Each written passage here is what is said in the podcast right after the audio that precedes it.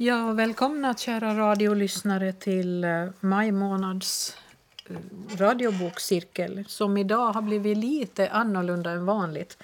Vi cirklar inte så mycket för vi är bara två medlemmar här idag. Så det kommer inte att bli så mycket radiobokcirkel utan det kommer att bli en eh, diskussion om en intressant bok istället. Den här, egentligen var det meningen att det här skulle ha sänts i april men det blev inställning av inspelningarna så nu kör vi i maj istället. Och vi som sitter här idag det är jag, Katarina Norrgård. Och jag, Ulf Nyback. Uh, idag så ska vi prata om en verklig klassiker på, uh, ska vi kalla det dystopiområdet.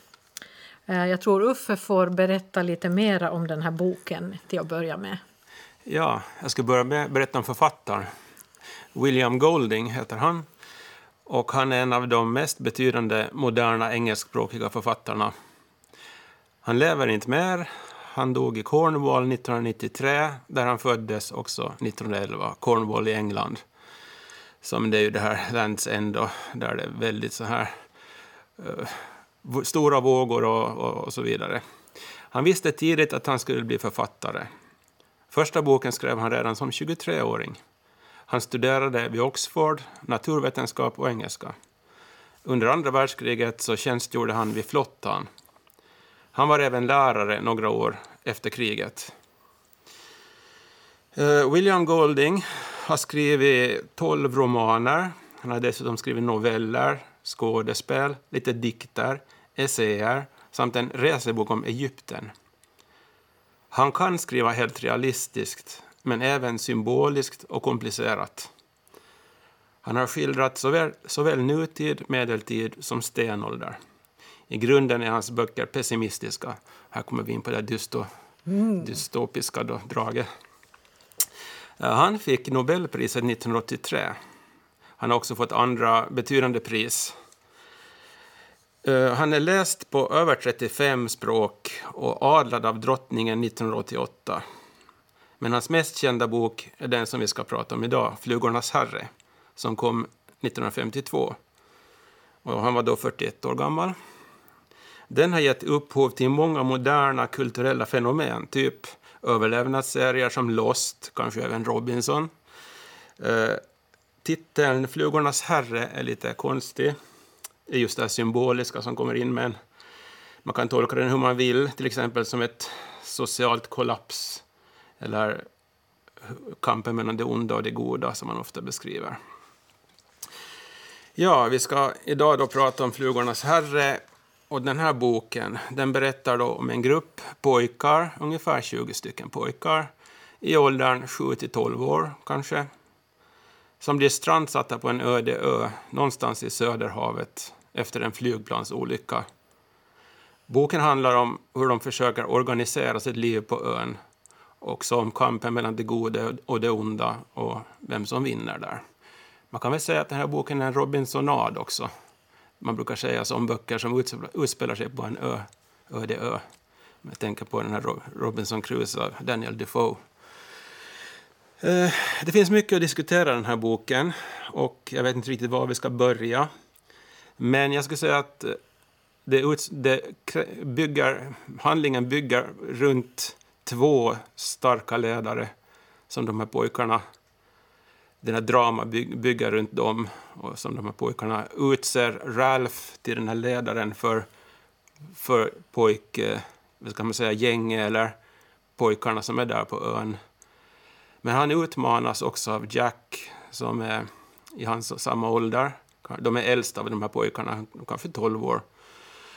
Och eh, det om, runt de här som det här drama utspelar sig. Ja, jag måste ge ordet över till Katarina så får jag höra. Jag, jag tyckte ju att det var intressant. Eh, jag läser väldigt mycket och har alltid gjort det och har ändå lyckats undvika den här boken under alla mina år. Det är ganska fantastiskt egentligen när man tänker på hur, hur pass stor den är. Och den hör dessutom till en sån här genre som jag brukar läsa rätt mycket av ja, dystopier då alltså, inte Robinsonader. Mm. Men jag tyckte det var spännande. Jag började lite forska i det här med just med Robinsonader. Att det finns ju väldigt, väldigt mycket sånt egentligen. Det finns massor av böcker i, som man kan liksom räkna in i den genren. Mm. Och jag kommer ihåg att när jag var kanske 11-12 år gammal, som de här pojkarna då, mm. så läste jag en bok som hette Den schweiziske Robinson. Ja. Och, och det här tyckte att den var alldeles underbar om en schweizisk familj som då hamnade på en söderhavsö och hur de fick sitt liv att fungera och, och det var så jätteidealiskt och gulligt och, mm. och charmigt och så här. Och, och nu börjar jag kolla upp att vad, vad det här var för en bok egentligen.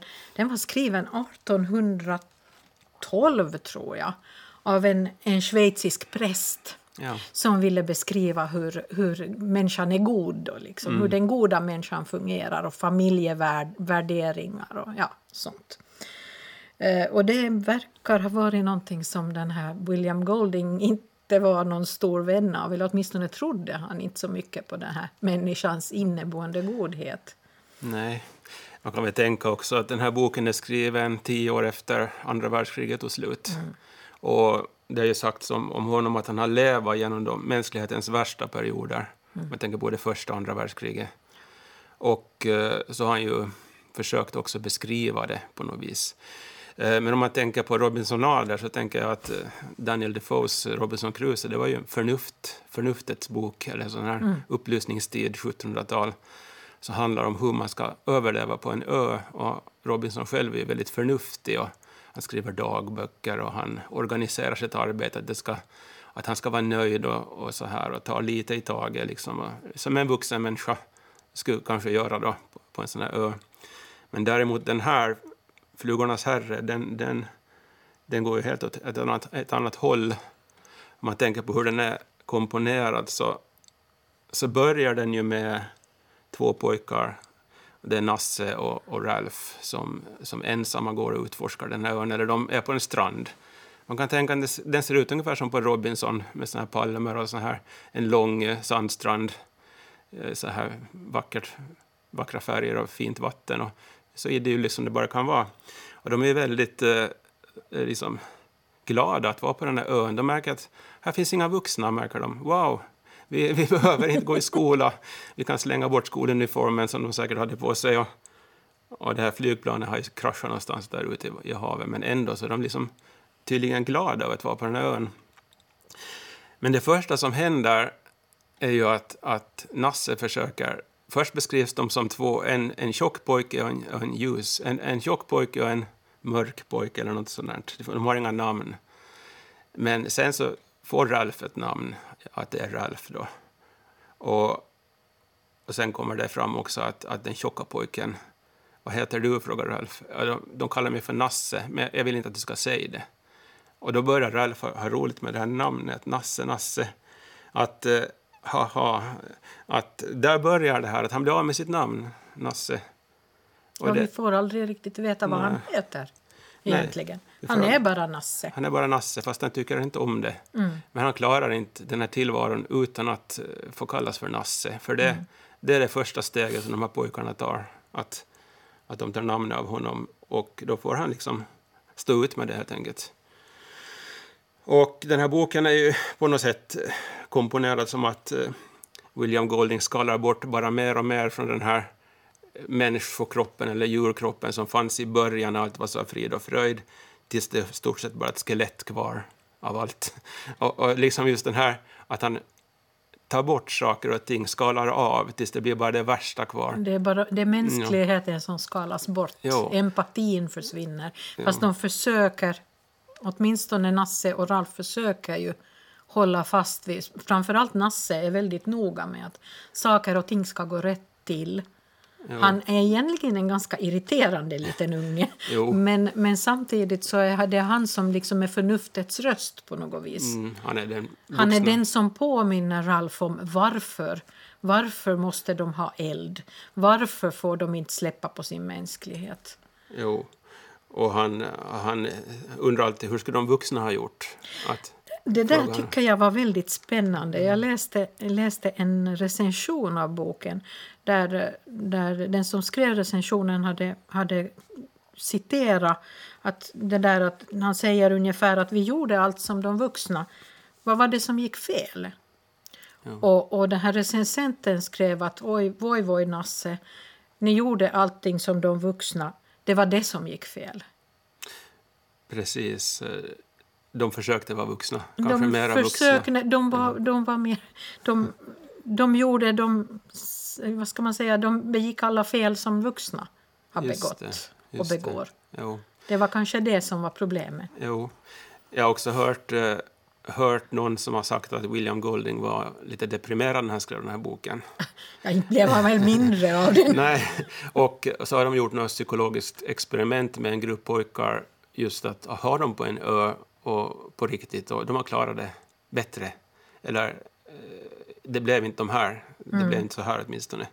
Så den här boken är också formad av William Goldings kan man säga, temperament Det- eller hu- humör. Det, det är säkert. Sen tycker jag ju också, alltså titeln på boken Flugornas herre, eh, så den är ju väldigt märklig egentligen, men, men vad jag har förstått så har det ju att göra med det här bibliska Belsebub, demonen Mm. Belsebub, som ju är, är det här, en, en av de här vad ska jag säga, hu- huvuddjävlarna i helvetet och, och som är, kallas bland annat för flugornas herre. Jaha, okej. Så att, att den skulle komma därifrån och han hade Mm. fått idén av någon författarvän som föreslog det namnet på boken för han visste själv inte vad han skulle kalla boken när den var färdig. Just det. För Flugornas herre, det blev ju egentligen ett grishuvud som de satt upp på en stör. Och de här jägarna som, som Jacks gäng senare börjar kalla sig.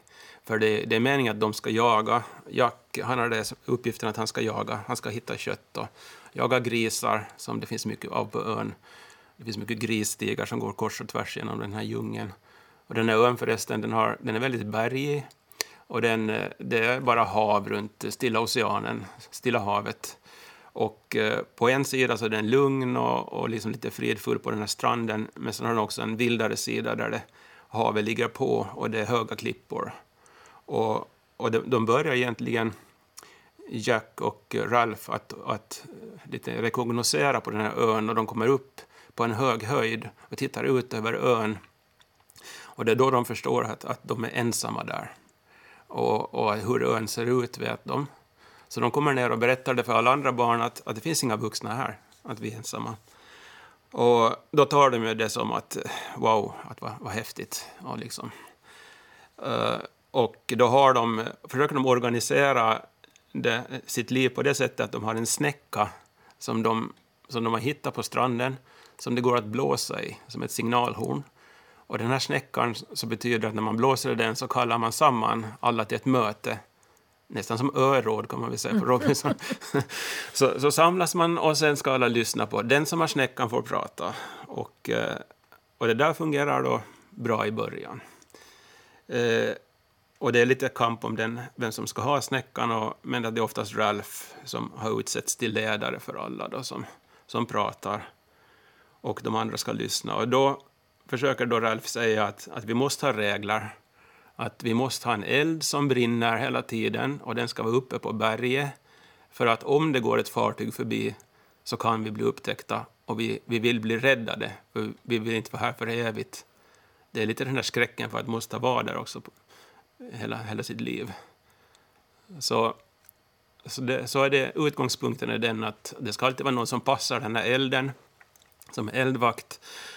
Och så får de som jägare få jaga grisar och sen ska man komma när, när det är öråd och när någon ska tala så det är den som ska ha snäckan som ska tala. Så det, det är utgångspunkten. Men det här börjar sen då efterhand liksom man börjar bryta mot de här reglerna.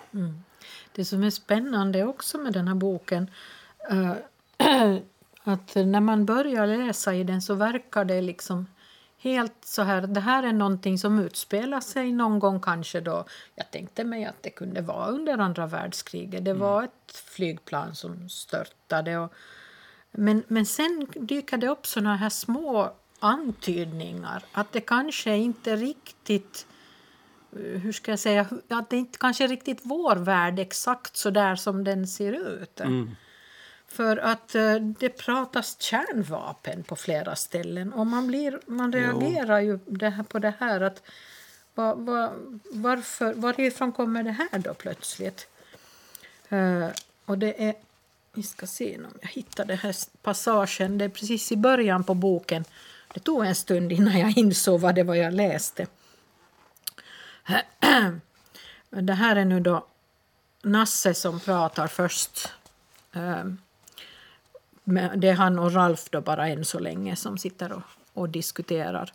Och så säger han till Ralf, när kommer din pappa och räddar oss? Ralfs pappa är i flottan. Ehm, så fort han kan.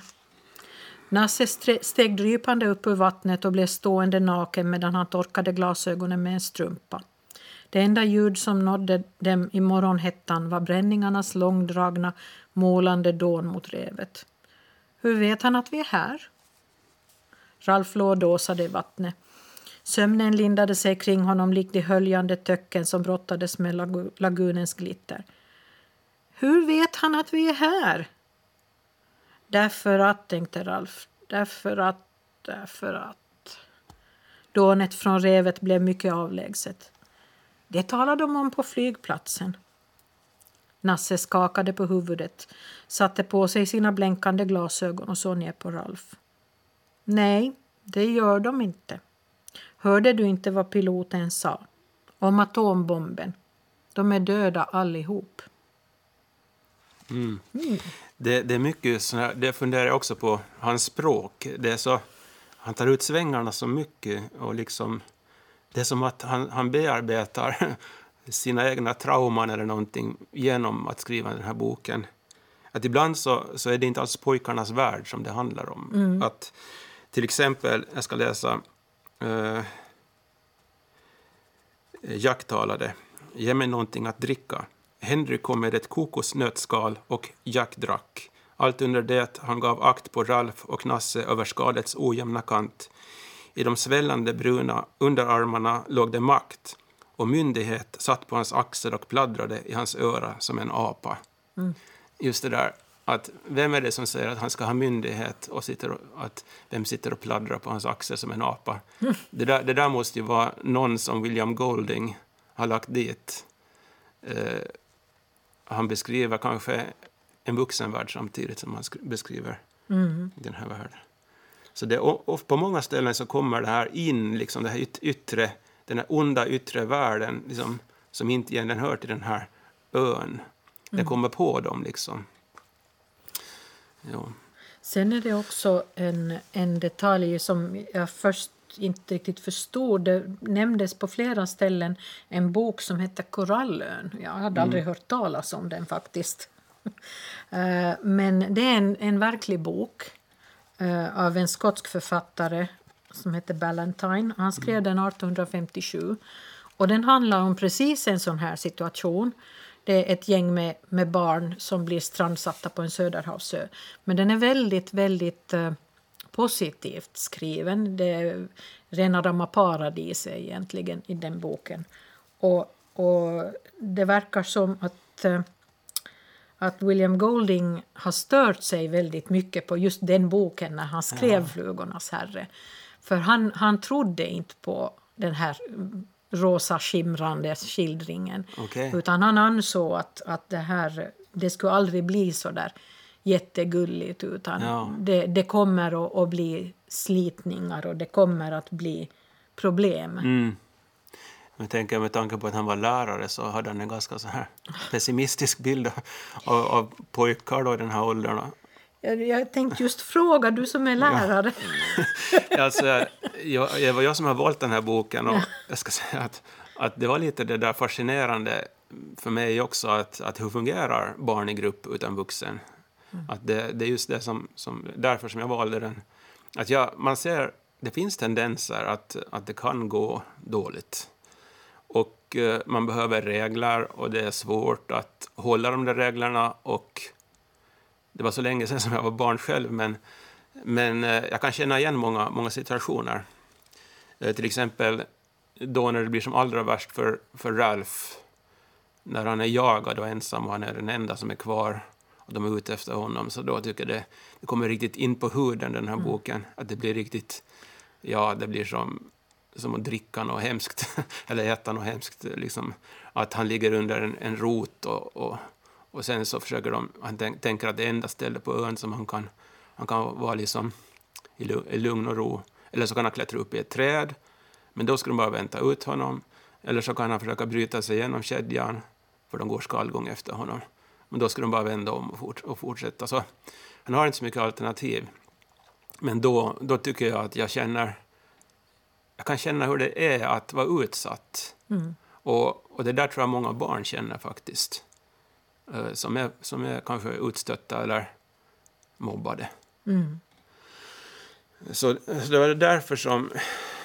Och just det här att man inte bryr sig om regler. Så det, det är också tror jag, en, en tendens som, som finns, att man ska ha roligt. Och, man ska liksom lämna bort... Uh, man tänker på att vuxna har regler, att du ska vara hemma klockan den tiden, eh, åtta, och du ska gå och lägga dig klockan tio. Eller. Men om man börjar rucka på de där reglerna och man tänker att ja, nu ska vi ha kul, vad händer då? Mm. Mm. Uh, det tänkte jag också på att, att det är ju, i mångt och mycket är det ju en, en bok om vänskap, uh, fiendskap, mm civilisation, om man säger så, kanske. Mm. Uh, men, men egentligen så tyckte jag, när jag hade läst ut den och funderat och, och bläddrat igenom den lite på nytt, att egentligen så är de här personerna väldigt opersonliga. Mm. Man lär egentligen inte känna någon av de här pojkarna speciellt bra. Nasse har en, inte ens ett namn. Nej. Det är ingen av dem, han antyder, men, men Golding då, när han, i sin, sitt skrivande, han antyder vissa saker men han berättar inte sist och slutligen väldigt mycket om dem och inte får vi riktigt vara inne i deras huvud heller. Nej. Det som kommer fram är att de har en oförmåga att prata med varandra. Mm. Att de, de kanske dansar en krigsdans istället när de blir glada. Mm. De, de kan inte uttrycka sig i ord. Och det där är ju Nasse helt, helt annorlunda. Han uttrycker sig så de blir trötta på honom. Mm. Och han påminner dem om sin astma och det orkar de inte höra. Och de börjar härma honom att du med din astma, att vara tysta. Att de har inte det här språket, de har ingenting som, som egentligen de vuxna har. Uh, de har någonting som de har repeterat, som sitt namn och var de kommer ifrån och någon adress. Mm. Och till exempel de här som de kallar för småungarna, att de har inget värde, de, här, de som är yngre än tio verkar det som, utan alla bara småungarna till slut. Så då finns det en där som har, som har repeterat var han kommer ifrån, ungefär att, att han, han, är, han har något långt namn och sen kommer han från prästgården i något, i något ställe i England. Och det är det, det som han kan få fram. Så det, det är väldigt så begränsat vad de kan uttrycka sig, de här mm. eh, barnen. Men de kan sjunga. De, de har en kör, till exempel. Jack, Jack har en kör som är uppklädd i som körkläder. Och de, de, de håller, Mantlar och... ja, de har någon sån här militärisk organisation på det, åtminstone när Jack försöker. Men det, det är under hans välde allt då, att han, det är han som ska bestämma. Då, mm. där. Eh, men jag, jag kommer tillbaka till den här korallön som du sa, för att det finns ju till exempel i slutet också den, mm. att eh, den här, vi ska inte nämna kanske hur det slutar ännu, men, nej, men, nej. Eh, men den kommer fram där också.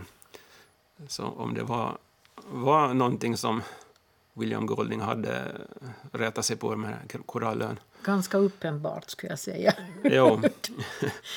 så, så det här. Jo, han, det nämns faktiskt i, det i början, i början mm. på boken också så är det... De räknar upp pojkarna när de, när de diskuterar nu det här faktum att de har liksom hamnat på en helt öde ö. Här finns inga vuxna.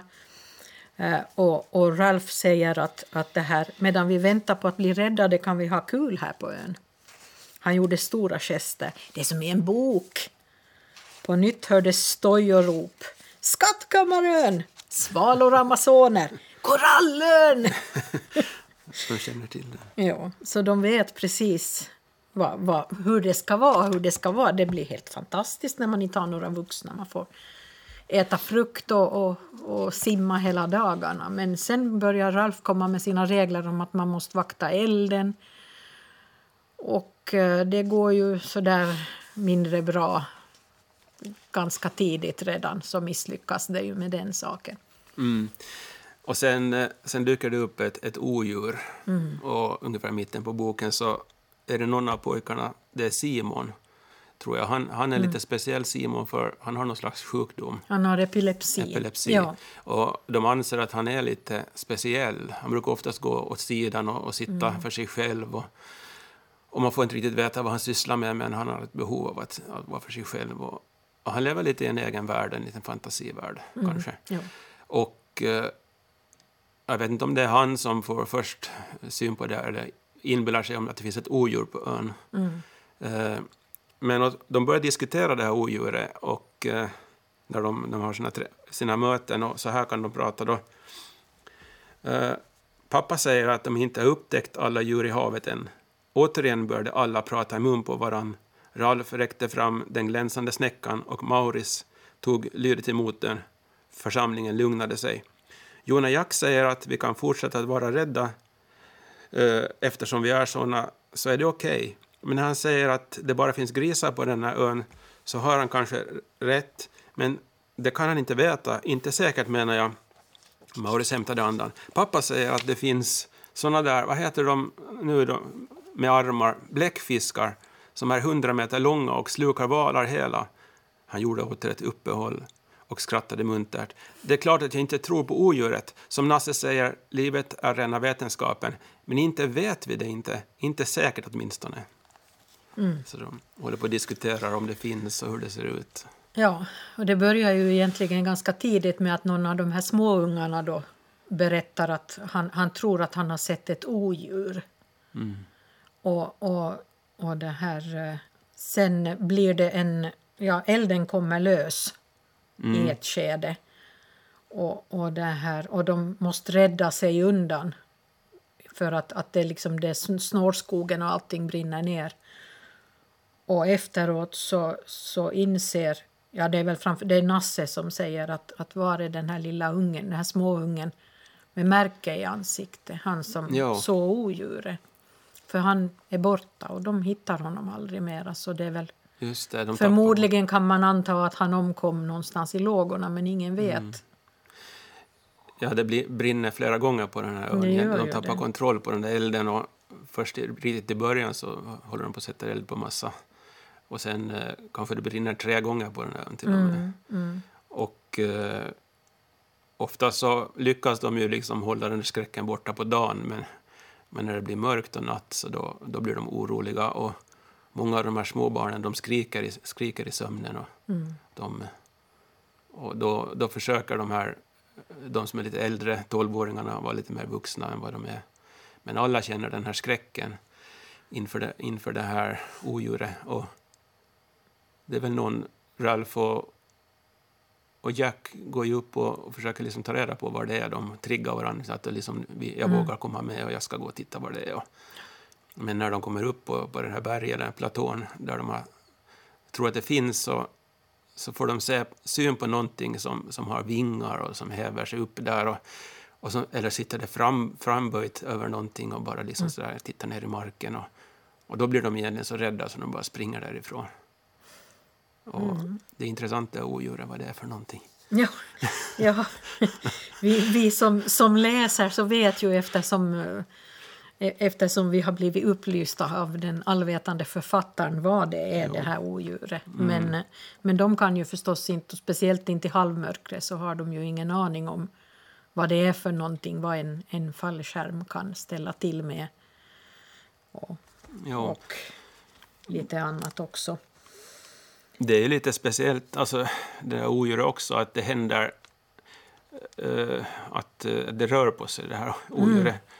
Och eh, i slutet på boken så, så flyger det till och med över dem. Ja. Och det där, det där börjar jag fundera på, att, att det där lite eh, inslag av fiktion, eller liksom fan, fantastiska drag igen, att det är ju inte riktigt realistiskt att en fallskärm kan lyftas så där bara vinden och flyga. Ja, och speciellt inte när det fortfarande hänger en användare i den. Ja, Men jo. Men eh, det var en sak som jag tänkte på just med det här odjuret. Och det var Det var... Vi ska se om jag hittar den där passagen.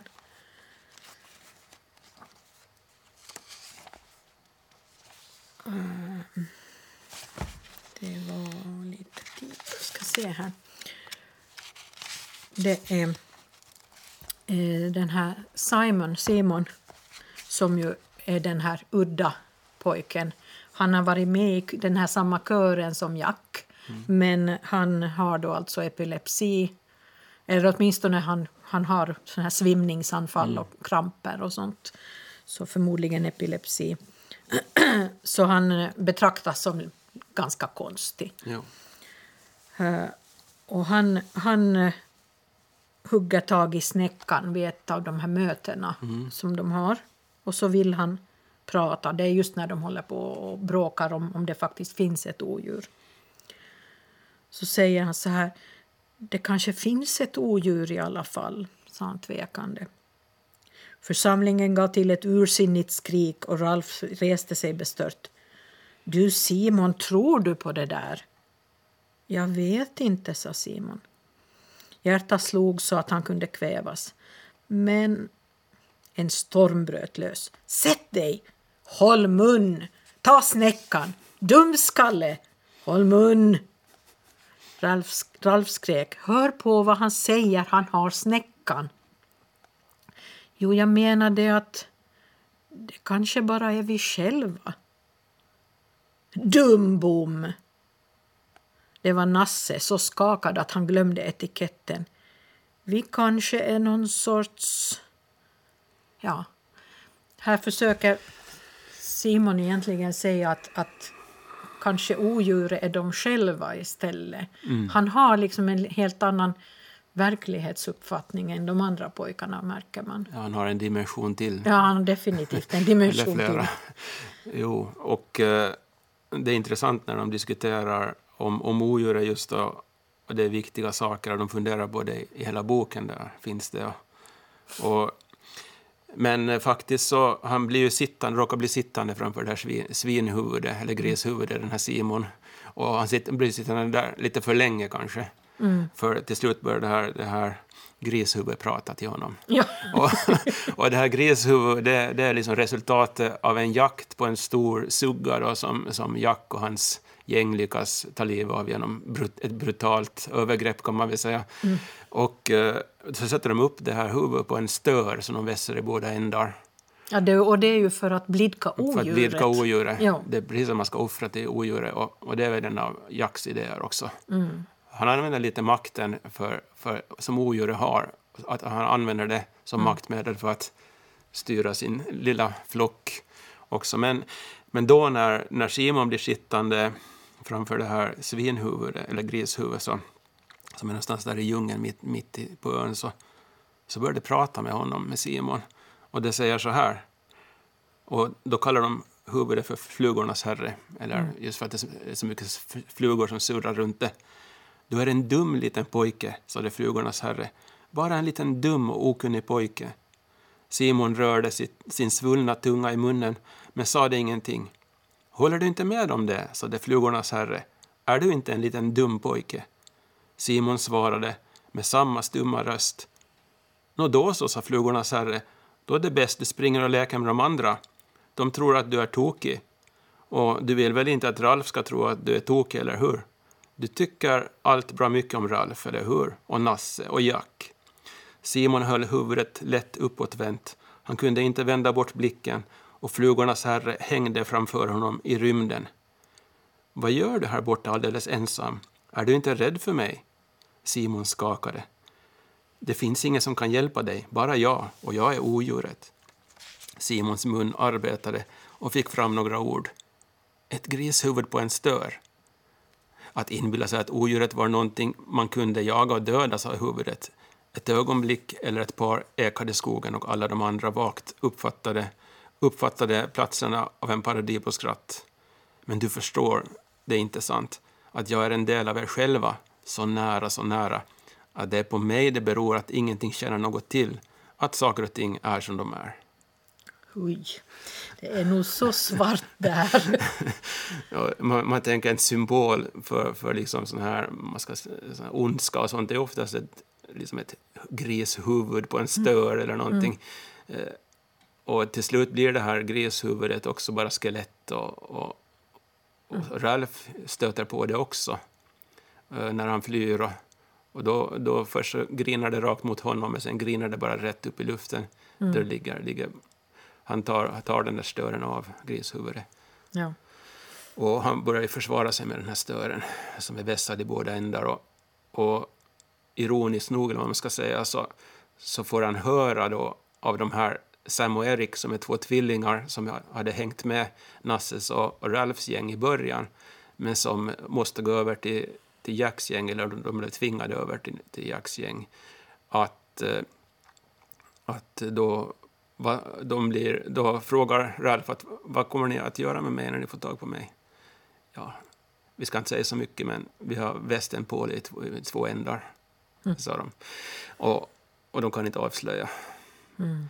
Så den här, den här Polen har också någon slags makt. Då. Ja. Den är, det är helt uppenbart en, en väldigt svart skildring av... Alltså jag tänker så här liksom att barndomen ska ju vara på något vis något så här ljust skimrande och, och barn är liksom det där... På något vis så uppfattar man ju barn som någonting oskyldigt och, och, och, och liksom rent. Att barn, barn, är liksom, barn gör inga illa. Men det här, den här boken så visar verkligen liksom de här värsta sidorna. Inte Ja. bara hos, alltså, hos människan överhuvudtaget och visar att barn är också kapabla, kapabla till en massa Mm. grymhet sist och slutligen. Jo, men man tänker liksom... Man tänker pojkar och, och, och så tänker man män och så tänker man på makt och så tänker man på andra världskriget och, så tänker man på vad som hände. Så vem var det egentligen som, som orsakade allt och koncentrationslägren och att eh, nu är det ju mycket en, en allegori över, över kriget som jag ser det. Mm. Att eh, jag får ofta, oftast i huvudet Adolf Hitler och Mm. hur han, hur han liksom styr med, med alla medel och, och med skräck och med okunskap till och med. Att det blir liksom så här, man tror på myter och man tror på skräck och man tror på gamla folksägner och sånt här. Att, att på något vis så det här förnuftet finns liksom inte i den här boken. Att, att det är ingen som vill lyssna på, på den här, den som har snäckan med det är ingen som vill följa regler. Det är ingen som orkar vakta elden. Och ingen förstår heller när, när Ralf blir arg att, att han blir i början på boken väldigt arg.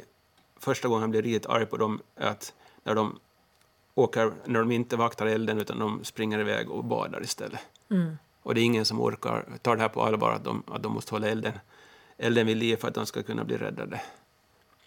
Så det, och där börjar det liksom gå, där gå faller, snett. faller det. Där, det är Där där, det faller börjar det. falla, ja. Precis det. Mm.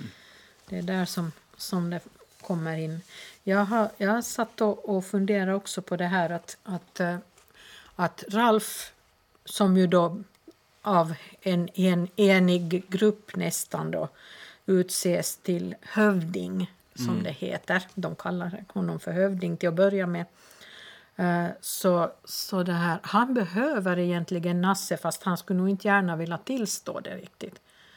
Men, men det som ju kommer fram allt mer därför så är ju det att han behöver honom för att komma ihåg hur vad, vad, vad det är de ska göra, vad de vill göra egentligen, Ja. hur civilisationen ska upprätthållas. Och han måste ha Nasse till det, för han klarar Nej. liksom inte riktigt själv av det.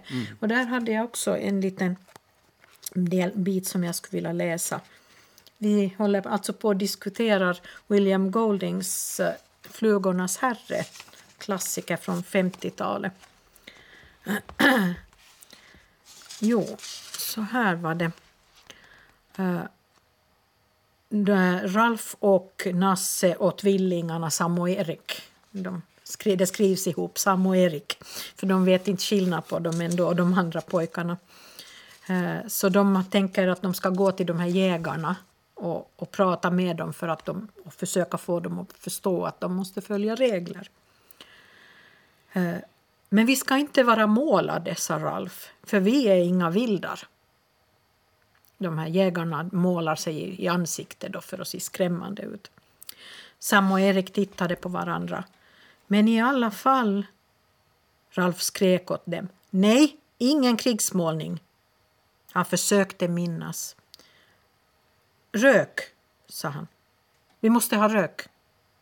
Han vände sig ursinnigt mot tvillingarna. Rök, sa jag, vi måste ha rök. Det blev tyst, bortsett från binas mångtoniga surrande. Till slut tog Nasse till orda, vänligt. Klart vi måste ha rök, för röken är vår signal och vi kan inte bli räddade om vi inte har rök. Det vet väl jag, skrek Ralf. Han drog undan armen från Nasse. Menar du att... Jag säger bara vad du alltid säger, sa Nasse hastigt. Jag trodde ett tag att... Det hade jag visst inte, sa Ralf Hjält. Jag hade det klart för mig hela tiden. Jag hade inte glömt det. Nasse nickade blidkande. Du är hövding, Ralf. Du kommer ihåg allting. Jag hade inte glömt det. Klart du inte hade. Tvillingarna tittade nyfiket på Ralf, som om de såg honom för första gången. Ja, det är han lite teaterviskar, Nasse. Mm. Han får Ralf han vill så gärna hålla tal mm. och han, han söker ord och han är den, den där ledaren som alla ser upp till. Men han har liksom inte talets gåva riktigt. Och Nasse sufflerar. Nasse sufflerar. Ja. Och, och, det är ganska intressant att se hur länge de kan hålla på de här reglerna för till slut så blir liksom Ralf lite uppgiven också då när det är bara han och Nasse kvar, eller detsamma Erik kanske också.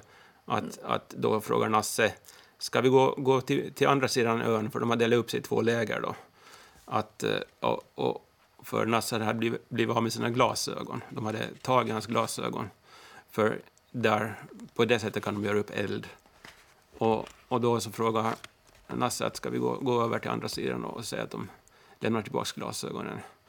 Men då, då är Ralf, han är lite sådär, tror han, det, vad, det för, för, vad spelar det för roll med er? Det är bara vi kvar här. Mm. Vad spelar det för roll med snäckan? Vad spelar det för roll med allt?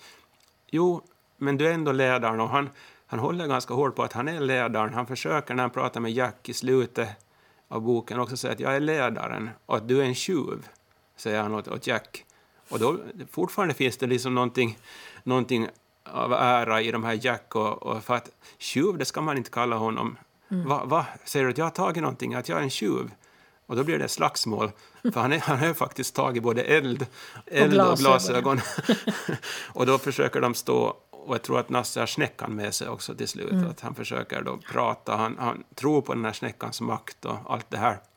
Men någonstans före det också så, så säger Jack att, att du med din snäcka, eller jag tror inte på det där mera. Mm. Den betyder ingenting, ingenting. Man kan prata utan snäckan också. Så det, så det är liksom det här, om vi säger att det här grishuvudet på något vis symboliserar ondskan, så den här snäckan symboliserar godhet. Eller på något sätt eh, regler. Eller regler, civilisation. Regler, civilisation ja, ja. kan man väl säga. Sen tyckte jag också, det, det, är, det kan man ju konstatera att det här är en ganska obehaglig bok jo. på många vis. Och, och det här, ett av de här, en av de här passagerna som är väldigt obehaglig äh, även om den inte jätte det är inte så här uttalat, men man vet ju vad det handlar om. Uh, och det är, det är då när uh, Simon kommer tillbaka. Han har, han har då varit uppe på, på berget och, och sett vad det där odjuret ja. egentligen är för någonting. Mm. Och det här är mitt i, i mörkret, mitt ja. i natten som han kommer tillbaka. Och de håller på och, och det här de har liksom såna ritualer att de dansar och mässar för att och hålla humöret uppe då kanske snarast. Mm. Det är ju framförallt då Jack och hans jägare som har börjat med det här. Och sen, sen håller de på att döda odjuret, skär halsen av det så blodet rinner. Och sen plötsligt så, så det här dyker det upp någonting, hon kommer ut ur skogen, någonting mörkt. Ja. Uh, det gällde att skjut som höjdes inför odjuret var som en smärta. Odjuret tumlade in i hästskon. Döda odjuret, skär halsen av det så blodet rinner.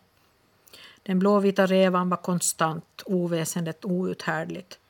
Simon skrek någonting om en död man på ett berg. Döda odjuret, skär halsen av det så bloden rinner. Ha ihjäl. Käpparna slog och den nya ringens mun skrek och skar tänder. Odjuret låg på knä i mitten med armarna över ansiktet. I det ohyggliga larmet skrek det någonting om ett lik uppe på berget. Odjuret tog några mödosamma steg framåt, bröt igenom ringen och föll över den tvära klippkanten ner på sanden invid vattnet. Hopen svallade genast efter, välde ner för klippan, kastade sig över odjuret, tjöt och slog, bet och slet. Inga ord hördes, ingen rörelse märktes, endast tänder som bet och klor som slet. Så öppnade sig molnen och lät regnet störta ner som ett vattenfall. Vattnet studsade från bergets topp, slet löv och grenar från träden, strömmade som en kall dusch ner över den vältrande högen på sandstranden. Efter en stund upplöstes högen och gestalter vacklade därifrån. Endast odjuret låg stilla några få meter från vattnet. Till och med i regnet syntes det vilket litet odjur det var och redan fläckades sanden av dess blod. Mm. Det här är nog liksom som man får ju kalla kårar. Jo, det här är första mordet då, Ja, som händer. första avsikt, ja, Jo, och det, avsiktliga. det är väl tre döden. pojkar som går under på den här Ja, ön. ja. Och just det här, deras, deras upphetsning, Mm. att de kan inte behärska sig, att de, det blir sån här, sån här trans på något vis av allt när de håller på och dansar. Och de har såna här ritualer att, att, att en leker gris och går in i ringen och, och de andra hugger med såna här käppar på den. Mm. Och det här kan, kan liksom nästan spåra ur. Det händer så att de blir som, så upphetsade att de inte vet vad de gör. Mm. Och, och det är samma när de bes- beskriver den här grisjakten som, som de har. Som, det är verkligen blodiga beskrivningar det här. Mm. Eh, de slog en ring omkring snåret, men suggan kom undan med ännu ett spjutstick i sidan. De släpade, de släpande skaften hindrade henne och de vassa tvärskurna spetsarna var en pina. Hon törnade mot ett träd så att ett av spjuten trängde djupare in och efter det kunde jägarna utan svårighet följa de färska blodspåren. Eftermiddagen led, de så förfärlig med sitt, sin fuktiga hetta, blödande och vanvettig stapplade suggan undan framför dem och jägarna följde efter, vigda vid henne i begär, upphetsade av jakten och det droppande blodet. De kunde se henne nu, var nästan ifatt henne, men hon spurtade med sina sista krafter och hann undan dem igen. De var strax bakom henne när hon raglade ut på en öppen plats där färggranna blommor växte och fjärilar dansade kring varandra och luften var stillastående och varm. Här föll suggan omkull, slagen av hettan, och jägarna kastade sig över henne.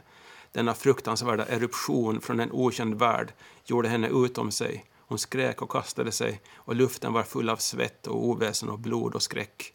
Roger han sprang runt den vältrande högen och stack med sitt spjut överallt där något stycke svin blev synligt. Jack satt ovanpå suggan och högg med sin kniv. Roger hittade ett fritt ställe för sin spjutspets och började pressa och pressa ända tills han lutade sig mot skaftet med hela sin tyngd. Spjutet trängde in tum för tum och det skräckslagna skriket blev ett hjältskjut. Så hittade Jack hennes strupe och det varma blodet sprutade ut över hans händer. Suggan sjönk ihop under dem och de blev liggande över henne, tunga och tillfredsställda. Fjärilarna dansade fortfarande mitt i gläntan, upptagna av sitt. Så det, här, det här skulle inte jag som jägare tycka om heller, att, att det här är verkligen inte etisk jakt, eller vad man ska Nej, säga. verkligen inte. Och, eh, men så här beter de sig och eh, det orsakar ju att, att de tar livet av varandra. Mm. Eh, det är också när, ska vi säga också, att, att Nasse, när han ska gå med Ralf och kräva tillbaka sina glasögon, så, så de här pojkarna hittat på då att, att, att häva såna här stora stenblock i, i havet med hävstång. Och de håller på att leka med det här och man förstår att någonting kommer att hända nu. Mm. Eh, och sen eh, står han där och försöker prata och, och, och de, de bryr sig inte. De börjar kasta sten först mot både Ralf och Nasse när de står och försöker prata förstånd med dem. Det bara svischar förbi stenar och, och till slut så, så häver de en stort stenblock som, som träffar Nasse och sveper ut honom i havet. Ja, Ralf konstaterar, eller funderar ju på det efteråt, att han, han såg det komma och han undan. Men Nasse var ju nästan helt blind utan sina glasögon, Ja. så han hade inte en chans. Och, och samtidigt, det här första mordet med Simon, så då känner de sig också skyldiga. Både Ralf och, och Nasse. Men Nasse försöker säga att, att vi, vi kunde inte veta, det var mörkt och vi visste inte. Han, han, han, han var så konstig och, och du, vi var ju utanför ringen och de försöker säga att, att de inte var skyldiga. Och Ralf också säger att ja, jo, vi var, vi var med, eller så var de inte med. Att, det, att där försöker de liksom rent två sig då. Och de lyckas väl, och Nasse tycker jag gör väl det enda rätta då, säger att, att, att det var inte vårt fel. Jo.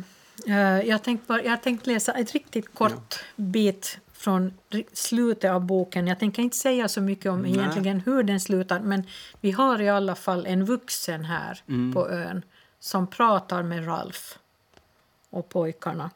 Eller framförallt med Ralf då. Eh, och, och det här... Och så säger han så här att jag skulle ha trott Eh, jag skulle ha trott att en samling engelska pojkar, för ni är väl engelsmän allihop, skulle ha skött sig bättre än så. Jag menar, det var på det viset i början, sa Ralf, innan han avbröt sig. Då var vi tillsammans. Officeren nickade uppmuntrande. Jag förstår. Bra gjort. Ungefär som i Korallön. Och jag kan riktigt höra det där, liksom, den här engelska texten att Well done, well done boys. liksom, det, det gäller att hålla masken. Men där också, det blir så, som kontrast till, till det här som håller på att hända. De driver ut Ralf liksom, och ska just eh, ta honom. Och så, så, så slutar det bara att där står en uppenbarelse. Och, och att han liksom börjar prata om att att ni är väl engelsmän, att ni borde väl kunna bättre än det här. Och då har de levt ungefär, inte vet jag, många månader där. Och det Ett har bara antal, gått, ja. gått åt, åt pipan alltihop. Att det blir så, så, upp, så som kontrast mot vuxenvärlden till slut det här. Jo. Men eh, också så finns det ju fil, filmatiseringar av den här boken och eh, Ett flertal. ett flertal. Mm. Men vad är det riktigt som med den här boken? Den är ju gammal. Eh, vad är det som den har att berätta idag? Ja, att, att regler och lagar behövs. Kanske. Mm. Eh, Att vem som helst kan bli, göra onda saker om, vi, om det blir sådana omständigheter. jo, vuxenvärldens eh, liksom, betydelse. Mm. Och att man, som, man ska ha regler och man ska vara vuxen, som det heter, eh, eh, i alla lägen och hålla på, på det som man tror på, och som är gott och sant och, Mm. och bra. Vi har alltså pratat om Flugornas herre av William Golding idag. Det var jag, Katarina Norrgård. Och jag, Ulf Nyback. Eh, och vi tackar för att ni har hängt med här, med, fast det var en väldigt liten radiobokcirkel den här gången. Eh, nästa gång tror det bli i juni någon gång och då kommer vi att prata om någon bok av den nyligen avlidne P.O. Enquist, tänkte vi. Så vi får se vad det blir. Och tills dess, läs mycket och ha det bra. Hej då!